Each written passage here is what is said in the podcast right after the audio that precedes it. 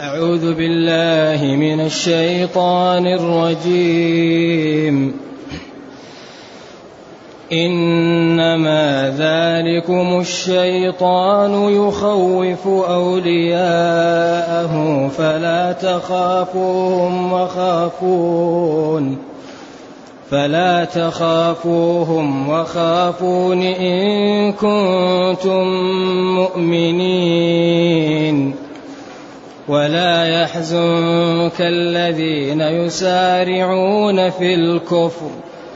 إنهم لن يضروا الله شيئا. يريد الله ألا يجعل لهم حظا في الآخرة ولهم عذاب عظيم. إن الذين اشتروا الكفر بالإيمان لن يضروا الله شيئا لن يضروا الله شيئا ولهم عذاب أليم. ولا يحسبن الذين كفروا أنما نملي لهم خير لأنفسهم. إنما نملي لهم ليزدادوا إثما ولهم عذاب مهين. الحمد لله الحمد لله الذي أنزل إلينا أشمل الكتاب وأرسل إلينا أفضل الرسل وجعلنا خير أمة أخرجت للناس. فله الحمد وله الشكر على هذه النعم العظيمة والآلاء الجسيمة. والصلاة والسلام على خير خلق الله وعلى آله وأصحابه ومن اهتدى بهداه. أما بعد فإن الله تعالى بعد أن بين أن المسلمين انقلبوا سواء كان لذهابهم إلى حمراء الأسد أو إلى بدر في العام الذي بعد عام أحد بين لهم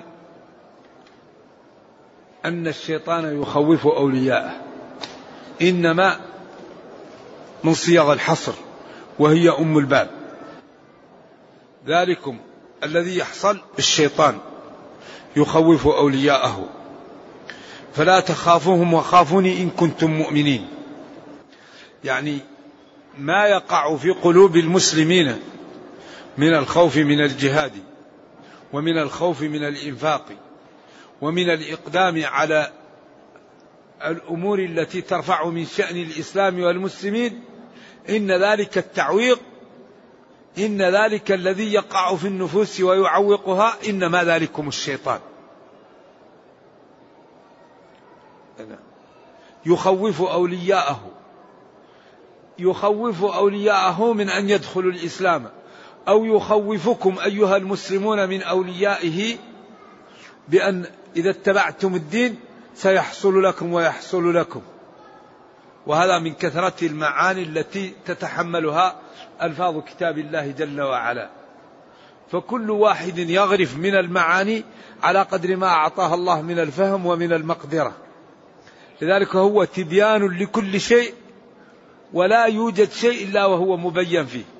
إذا ما يقع من التعويق وما يقع من الخوف وما يقع من عدم ذلك الشيطان يخوف المتقين من أوليائه من اليهود ومن النصارى ومن الكفار عبدة الأوثان. فلا تخافوهم وخافون. اذا لا تخافوا إلا الله. فلا تخافوهم. لأنكم رسمت لكم طريق إن سرتم إليها ربكم يضمن لكم أمرين.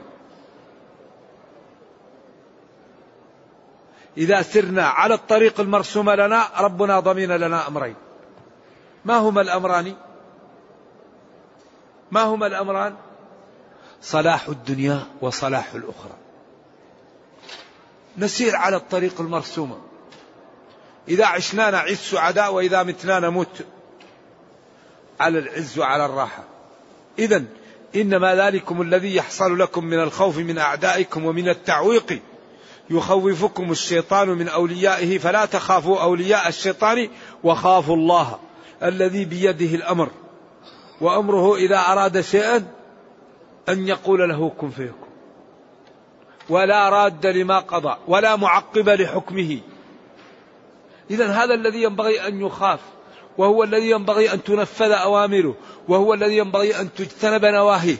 أما الشيطان وأولياؤه فلا يخافهم لا تخافهم. وكررنا مرارا في هذه الدروس المباركة أن وصول النصر في نقطتين.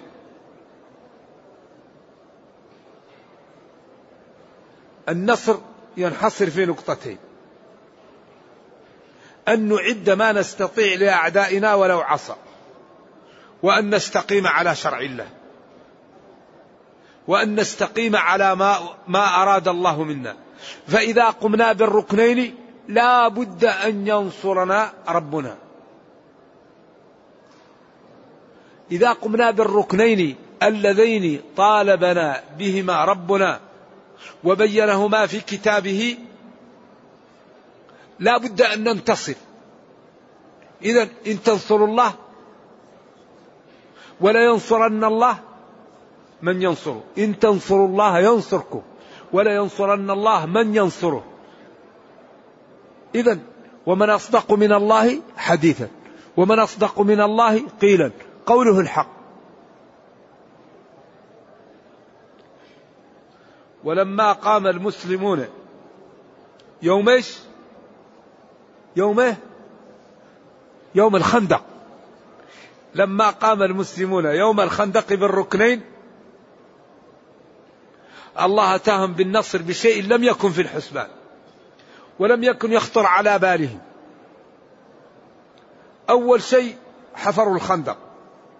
هذا الركنيش المادي. ثم عملوا بالركن المعنوي وهو قولهم هذا ما وعدنا الله ورسوله وصدق الله ورسوله وما زادهم إلا إيمانا وتسليما. إذا الركن المادي حفر الخندق والركن المعنوي الالتجاء إلى الله والاستقامة على دين الله. فالله هزم الأحزاب. قريش وغطفان وهوازن والأحابيش وجاءوا من فوق المدينة ومن أسفلها حتى وصف الله الموقف وقال جاءوكم من فوقكم ومن أسفل منكم وإزاغت الأبصار وبلغت القلوب الحناجر. هم قالوا هذا ما وعدنا الله ورسوله وصدق الله ورسوله وما زادهم إيمانا وتسليما. إيمانا وتسليما مع الركن المادي وهو حفر الخندق. جاء الله تعالى بالجند الذي لا يمكن أن يهزم. فأصبحوا إذا بنوا خيمة نصبوها نسفتها الرياح. وإذا وضعوا قدر على النار نسفته الرياح. وإذا عقلوا جمل نسفته الرياح. وجاءت الملائكة وبثت في قلوبهم الرعب. حتى خرجوا مهزومين. وامتن الله على المسلمين وقال جل وعلا يا أيها الذين آمنوا اذكروا نعمة الله عليكم إذ جاءتكم جنود جاءتكم جنود كثيرة. فأرسلنا عليهم ريحا عظيمة وجنود أعظم منهم لم تروها. إذا ينصر بالملائكة والرياح كيف تكون العلاقة معه؟ اللي ينصر بالملائكة والرياح كيف تكون العلاقة معه؟ تكون العلاقة معه على ما أراد ينزل الملائكة والرياح ويدمر أعداءنا. أما إذا قال المسلم ما تتحدى القدر القدر ما يقدر شيء يتحداه. ما يقدر. القدر ما يقدر يتحداه شيء. جبريل إذا أمره ربه يضع جناحه تحت الأرض ويقلبه. جبريل قوم لوط ماذا فعل بقراهم. رفعها بجناحه وقلبها بهم ومسح وجوههم فأصبح الوجه مثل الكف. ما فيه محل العين ولا الأنف ولا الفم طمسنا أعينهم. أصبح الوجه كله مثل الكتلة. إذا نحن إذا أردنا ننتصر نمشي على الطريقة المرسومة للانتصار. إذا أردنا العزة نمشي مع الطريقة المرسومة للعزة لذلك من أخطر ما تواجه الأمة ما هو؟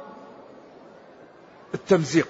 ولا تنازعوا فتفشلوا. شوف الفاء تعطف المباشرة. كنتم خير أمة أخرجت للناس ما لا تفعل؟ تأمرون بالمعروف وتنهون عن المنكر وتؤمنون بالله. إذا ما تعيشه الأمة من الضعف ومن تسليط الأعداء عليها ما سببه؟ ما سببه؟ أحسن. عدم القيام بالأسباب أعدوا ولا تنازعوا. اثبتوا. تعاونوا. إذا نحن لا نقوم بالأسباب وكل شيء له سبب. هذا لازم نعرف هذا. هل رأيتم إنسان له أولاد لم يتزوج؟ هذا يفهمه كل واحد الآن. هل رأيت إنسان له أولاد ليست له زوجة؟ ما يمكن إنسان ينال العلم وهو لم يجد ذل الطلب. ما يمكن واحد ينال التقى وهو ينظر في الحرام ويتكلم بالحرام ويأكل الحرام. ما يمكن. الورع لا يمكن ينال إلا بمكابدة الطاعة والخوف من الله. بعدين ينمو الإيمان يكون الإنسان ورع. هل الإنسان لا لا يتعب للناس ولا يكرمها ولا يتغاضى عنها تحبه الذي يريد الناس تحبه يعطيها ماله ويتغاضى عنها ولا يريد منها شيء. يقول الله يجزيه خير. هذا فلان عجيب. إذا كل شيء بحقه. كل شيء في الدنيا له ثمن. إذا إذا أردنا الجنة ندفع الثمن. إذا أردنا العلم ندفع الثمن. إذا أردنا المال ندفع الثمن. إذا أردنا الورع ندفع الثمن. إذا أردنا الضعف والهوان وتسلط الأعداء ندفع الثمن. كل شيء له ثمن. إذا الدنيا خلقها الله بقانون. إيش؟ معاوضة تدفع تربح. تنام تخسر. إذا ينبغي لكل واحد منا أن يكون على بصيرة فيما يدع وفيما يأخذ. إذا إنما ذلكم الشيطان يخوف أولياءه. يخوفكم من أوليائه فلا تخافوهم وخافون. الله هو اليعز هو اليذل هو الذي يميت هو الذي يحيي هو الذي يعطي. الشيطان لا يملك شيئا. والله قال إن كيد الشيطان كان ضعيفا. إنما سلطانه على الذين يتولونه. أما المتقون السير لا سبيل لهم عليه. إذا لا عذر لنا بعد هذا البيان. هذا البيان الشافي لا عذر لنا بعده فينبغي لنا أن نجتهد وينبغي لنا أن نكون في المكان اللائق بنا وأن نسدد ونقارب. إذا يقول جل وعلا إنما ذلكم الشيطان يخوفكم من أوليائه فلا تخافوا أولياء الشيطان وخافوني. فلا تخافوهم وخافوني. إن كنتم مؤمنين فخافوا ربكم ولا تخافوا الشيطان. لماذا لا نخاف الشيطان؟ لأن الله يحميك من الشيطان. ولذلك الشيطان الشياطين نوعان. شياطين إنس وشياطين جن. والشياطين يعاونون بعضا. والذي يحمي من هذا هو ما لا؟ الذي يحمي منه الله ثم بسبب ما لا؟ بسبب العلم. الذي يحميك من الشياطين العلم.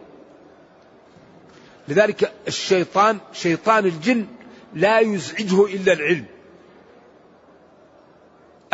العباد الشيطان يفرح بالعابد. لأن العابد إذا كان يعبد على غير علم يأتي الشيطان ويقول له أدخل البدعة أدخل الرياء أدخل السمعة. أحتقر الآخرين. أنت لست كغيرك. أنت تدرس. كيف؟ فيحتقر المسلمين فيهلك. أنت ما شاء الله تتصدق. فيدخل العجب. لذلك الذي يتعبد على غير علم في خطر. ما لكن الذي يتعلم ويتعبد ويجيه الشيطان ويقول له يقول له يقول له روح أنا أبصر بنفسي منك شوف غيري.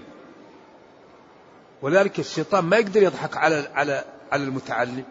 لكن الذي يتعبد على غير علم هو اللي ياتي بإيش؟ بالبدع. وبأغلب المشاكل تأتي من العبادة على غير علم. لذلك قول الأخضر ولا يحل له أن يفعل فعلا حتى يعلم حكم الله فيه هذا الكلام جميل جدا. أي عمل تعمله لا تقدم عليه حتى تعرف ما الحكم. هل هو واجب؟ هل هو مندوب؟ هل هو مكروه؟ هل هو حرام؟ هل هو مباح؟ بعدين تقدم بعد ما لا بعد المعرفة فإن رأيت أنه لا يجوز تتركه. فإن رأيت أنه واجب تسارع. فإن كان غير واجب وغير حرام الأمر فيه سهل. لأن الواجب يفعل والحرام يترك. أما غيرهما فالأمر فيه إيش؟ في سعة. فشياطين الإنس هؤلاء تبادل لهم الإساءة بالإحسان. أي شيطان إنس تبادل له الإساءة بالإحسان مرة مرتين ثلاثة يبقى في يدك مثل العجين. وجربوا. جار شيطان قريب شيطان ابن لا سمح الله شيطان أب لا سمح الله شيطان. لأن الشياطين هؤلاء ما تدري. واحد يعوذ بالله يكون معك في البيت شيطان لا يحب الصلاة ولا يحب العبادة ويقع في أعراض الناس. وكل ما جاء جنبك ينجسك بأعراض الناس. هذه مشكلة. فشياطين الإنس أغدق عليهم بالإحسان. وحاول أن تقابل لهم الإساءة بالإحسان. مرة مرتين ثلاثة أربعة يبقى في يدك مثل العجين. ولذلك الله يقول ادفع بالتي ادفع بالتي هي أحسن أي بالفعلة وبالعملية التي أو الطريقة التي هي أحسن. ساء عليك أحسن إليه قطعك صله. شتمك اذكره بالخير. كل ما عمل لك إساءة قابلها إيش؟ يبقى في يدك مثل ولكن هذه لا يجدها إلا من له عند الله صفتان. صفة الصبر وصفة الحظوة عند الله. ولذلك قال وما يلقاها وما يلقاها إلا الذين صبروا. وما يلقاها إلا ذو حظ عظيم. إذا هذا الشياطين من؟ الإنس. أما شيطان الجن فليس له علاج إلا الالتجاء إلى الله الاستعاذة به من الله. أعوذ بالله من الشيطان. اللهم إنا نعوذ بك من الشيطان من نفخه ونفثه وهمزه. ولذلك الله قال ادفع بالتي هي أحسن فإذا الذي بينك وبينه عداوة كأنه ولي حميم وما يلقاها إلا الذين صبروا وما يلقاها إلا ذو حظ عظيم. ثم قال وإما ينزغنك من الشيطان نزغ. فاستعذ بالله. وقال خذ العفو وأمر بالعرف وأعرض عن الجاهلين وبعدين وإما ينزغنك من الشيطان نزغ. فاستعذ بالله. إذا شياطين الإنس نقابل لهم الإساءة بالإحسان وشياطين الجن نستعذ بالله منهم. إذا الشيطان يخوفكم أولياءه فلا تخافوه. وخافوا ربكم. إن كنتم مؤمنين في نوع من التهييج والتحفيز لخوف الله وعدم الخوف من الشيطان. ولذلك الشيطان متسلط علينا. أبونا آدم جاءه قال له لو, لو لم تسميه عبد الحارث لما يموت. هل أدلك على شجرة الخلد وملك؟ لا يبلى. فأكلا منها. لا زال بهم.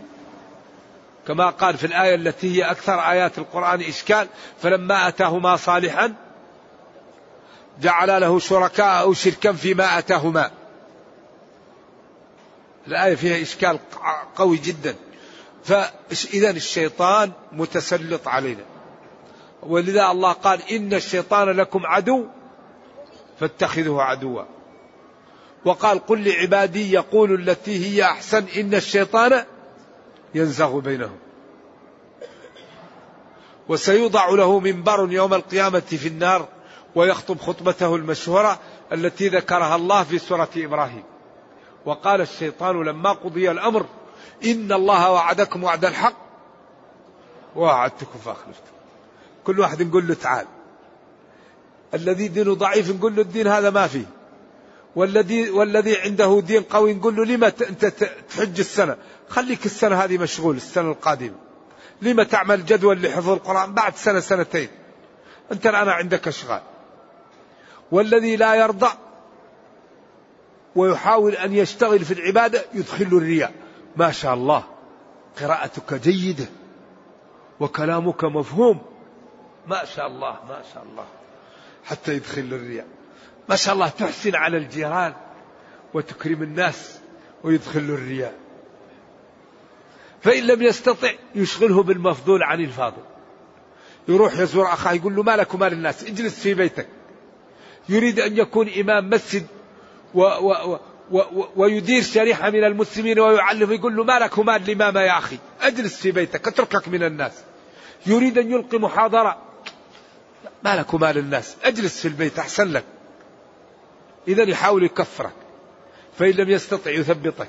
فإن لم يستطع يدخل لك الرياء. فإن لم يستطع يدخل يشغلك بالمفضول عن الفاضل. إذا قال فلا آتينهم من بين أيديهم ومن خلفهم وعن أيمانهم وعن شمائلهم حتى قال الله جل وعلا ولقد صدق عليهم إبليس ظنه اتبعه إلا فريقا من المؤمنين. ولكن الله تعالى أكرمنا بأن بين لنا ووضح لنا وجعلنا لا نتمالك فكل من تاب مسح الله إيش؟ ذنوبه. لذلك لا يرى الشيطان أحزن ولا أصغر من يوم إيش؟ من يوم عرفة لما يرى من تنزل الرحمة. هو يزرع سنة كاملة وفي خلال نصف يوم كل زراعته تمسح. مجهود سنة كلها في في أربع ساعات أو ثلاث ساعات يمسح.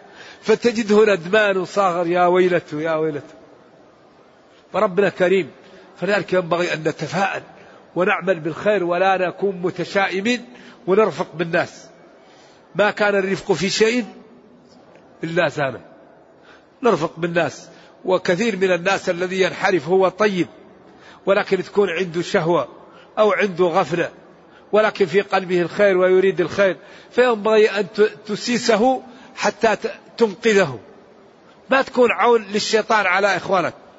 واحد ماشي في الطريق لا سمح الله ضربته سيارة نقول يستاهل ليش يمشي على الطريق؟ والله نحاول ناخذه وننقذه. إذا الواحد المنحرف هو مريض يحتاج له واحد يرفق به ويأتيه بالرفق حتى ينقذه الله. أما هذا خلاص نهجره طيب إذا هجرنا الناس اللي منحرفة من أين لهم الهداية؟ النبي صلى الله عليه وسلم قال لا نبي بعدي. والوحي انقطع.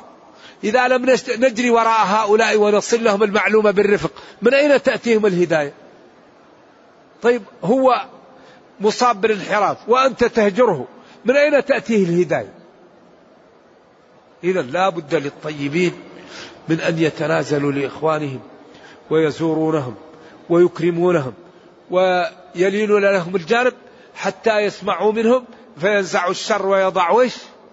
الخير. ولذلك الكلمة الطيبة مثل المرهم. ما هو المرهم يوضع على الألم؟ ما هو الإنسان إذا أردنا أن نعمل له عملية ما لا نفعل؟ نأتي بالطبيب ويخدره وبعدين نشيل المرض ونخيطه ويستيقظ ما في ولا شيء. الكلام الطيب مثل مثل المرهم مثل التخدير. وضرب الله مثلا كلمة طيبة كشجرة طيبة. الكلمة الطيبة مرهم للنفس. أنا أحبك وأنت أخي. ونبينا صلى الله عليه وسلم ورد عنه في الصحيحين لا يؤمن أحدكم حتى يحب لأخيه ما يحب لنفسه. وأنا رأيتك على هذا الأمر هذا الأمر يضرك ولا ينفعك. وأنا ما أقول لك هذا إلا محبة لك. على الأقل يقول لك جزاك الله خير. أما واحد يا فاسق تقول له يا فاسق على طول يعطيك كفة الضارب أنت هو. إذا والرفق لازم منه والدعاء لازم أن يرفقه الداعية ما ينتقم لنفسه. الذي إذا كان داعية ينتقم لنفسه يجلس في بيته. لأن أي داعية معرض لأن يساء إليه وأن يشتم أحيانا ويضرب. هذا منصب الأنبياء. فالذي يريد أن يدعو الناس أول شيء يصبر. ولذلك ماذا قال لقمان لابنه؟ يا بني أقم الصلاة وأمر بالمعروف وانهى عن المنكر. إيش؟ واصبر على ما أصابك. اصبر على ما أصابك. ولذلك طريق الدعوة وطريق الدين فيها من الخير عجيب لكن الغنم بالغرم. الخير إذا كان في جهة كثير يكون فيها تعب. ذلك كل شيء له ثمن. فلذلك حري بنا الحقيقة أن لا نخاف من الشيطان ولا من أوليائه.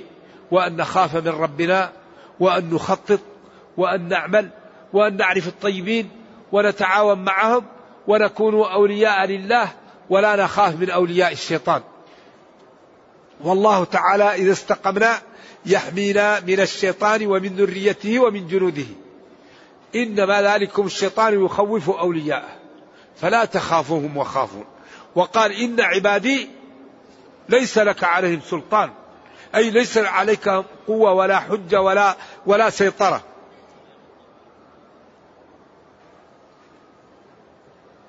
ثم بين لنبيه بأن قال له ولا يحزنك ولا يحزنك. أحزنه وحزنه الأمر. الذين يسارعون في الحزن هو ما يقع في القلب من الألم لشيء. أيوة حصل. ولذلك الحزن يقع مما حصل. والثاني الخوف يقع مما يقع مما لم يقع أحيانا. تخاف من شيء قبل أن يقع فإذا وقع يصير الحزن. أي لا يقع في قلبك الألم ولا يقع في قلبك التألم من شأن الذين يسارعون في الكفر. هؤلاء الذين يسابقون في الكفر من اليهود ومن المنافقين ومن غيرهم إنهم لن يضروا الله شيئا. ما يستطيع أن يضروا الله. لا لأن الله تعالى قوي متين. ولأن دينه قوي. ولأن أولياءه يحمون. ما يضروكم. ولذلك في الآية الأخرى قال لن يضروكم إلا أذى. شتم أو تنغيص أو تشويه أو تكذيب. ما يضركم لكن بشرط ماذا أن نسير على الطريق المرسومة لنا. لذلك الشيء إذا كان مشروط لا يتحقق إلا بوجود الشرط. إن تنصروا الله ينصركم. إن تنصروا الله ينصركم. إذا استقمنا على الدين وقمنا بما أمرنا به من الإعداد لازم أن ننتصر. لكن إذا كانت الأمة لا تستقيم على الدين ولا تعد ما أمرت به ما نصرت. إذا لا تنصر لأنها لم تنصر.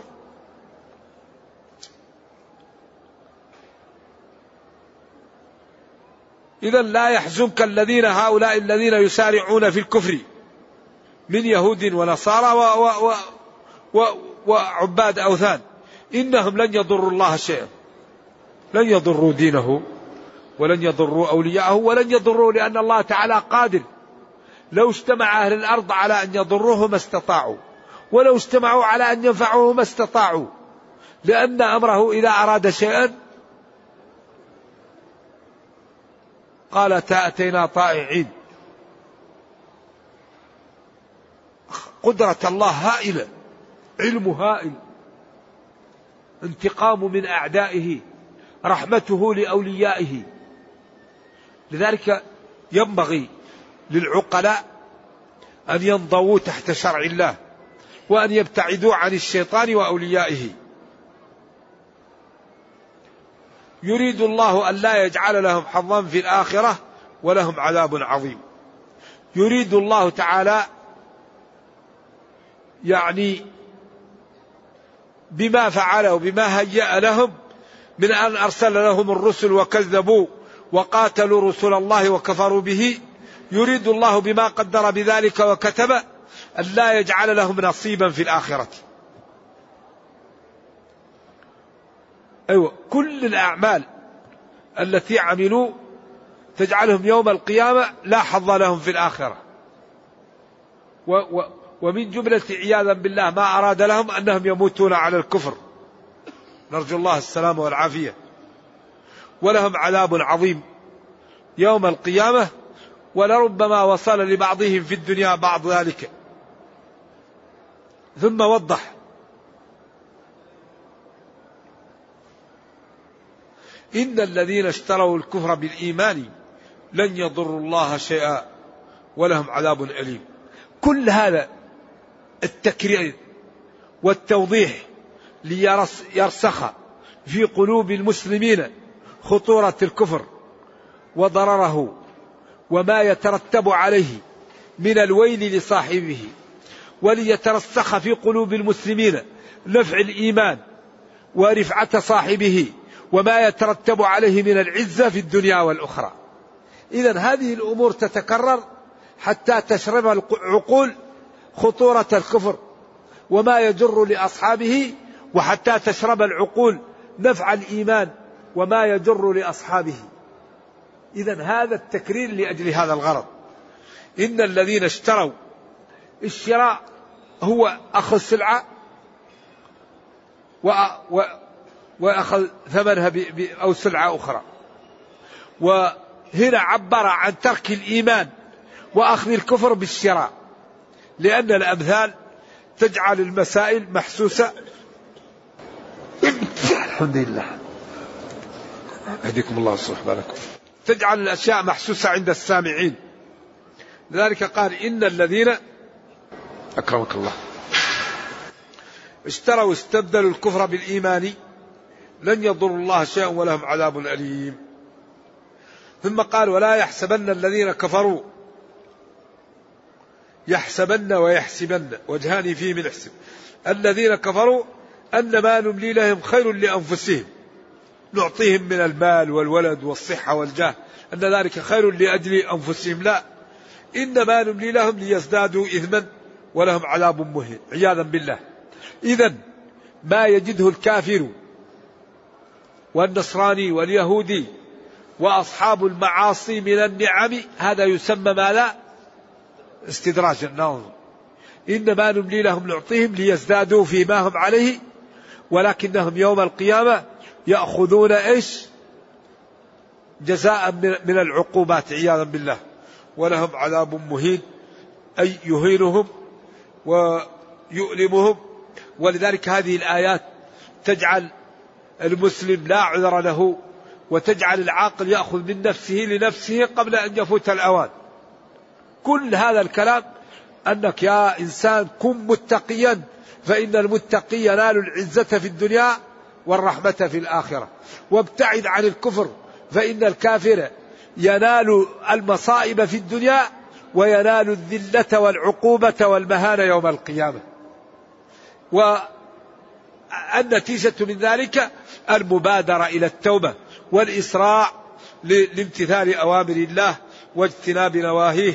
نرجو الله جل وعلا أن يرينا الحق حقا ويرزقنا اتباعه وأن يرينا الباطل باطلا. ويرزقنا اجتنابه وأن لا يجعل الأمر ملتبسا علينا فنضل. اللهم إنا نسألك أن تصلح لنا ديننا الذي هو عصمة أمرنا وأن تصلح لنا دنيانا التي فيها معاشنا وأن تصلح لنا آخرتنا التي إليها معادنا وأن تجعل الحياة زيادة لنا في كل خير والموت راحة لنا من كل شر. ربنا آتنا في الدنيا حسنة وفي الآخرة حسنة وقنا عذاب النار. سبحان ربك رب العزة عما يصفون.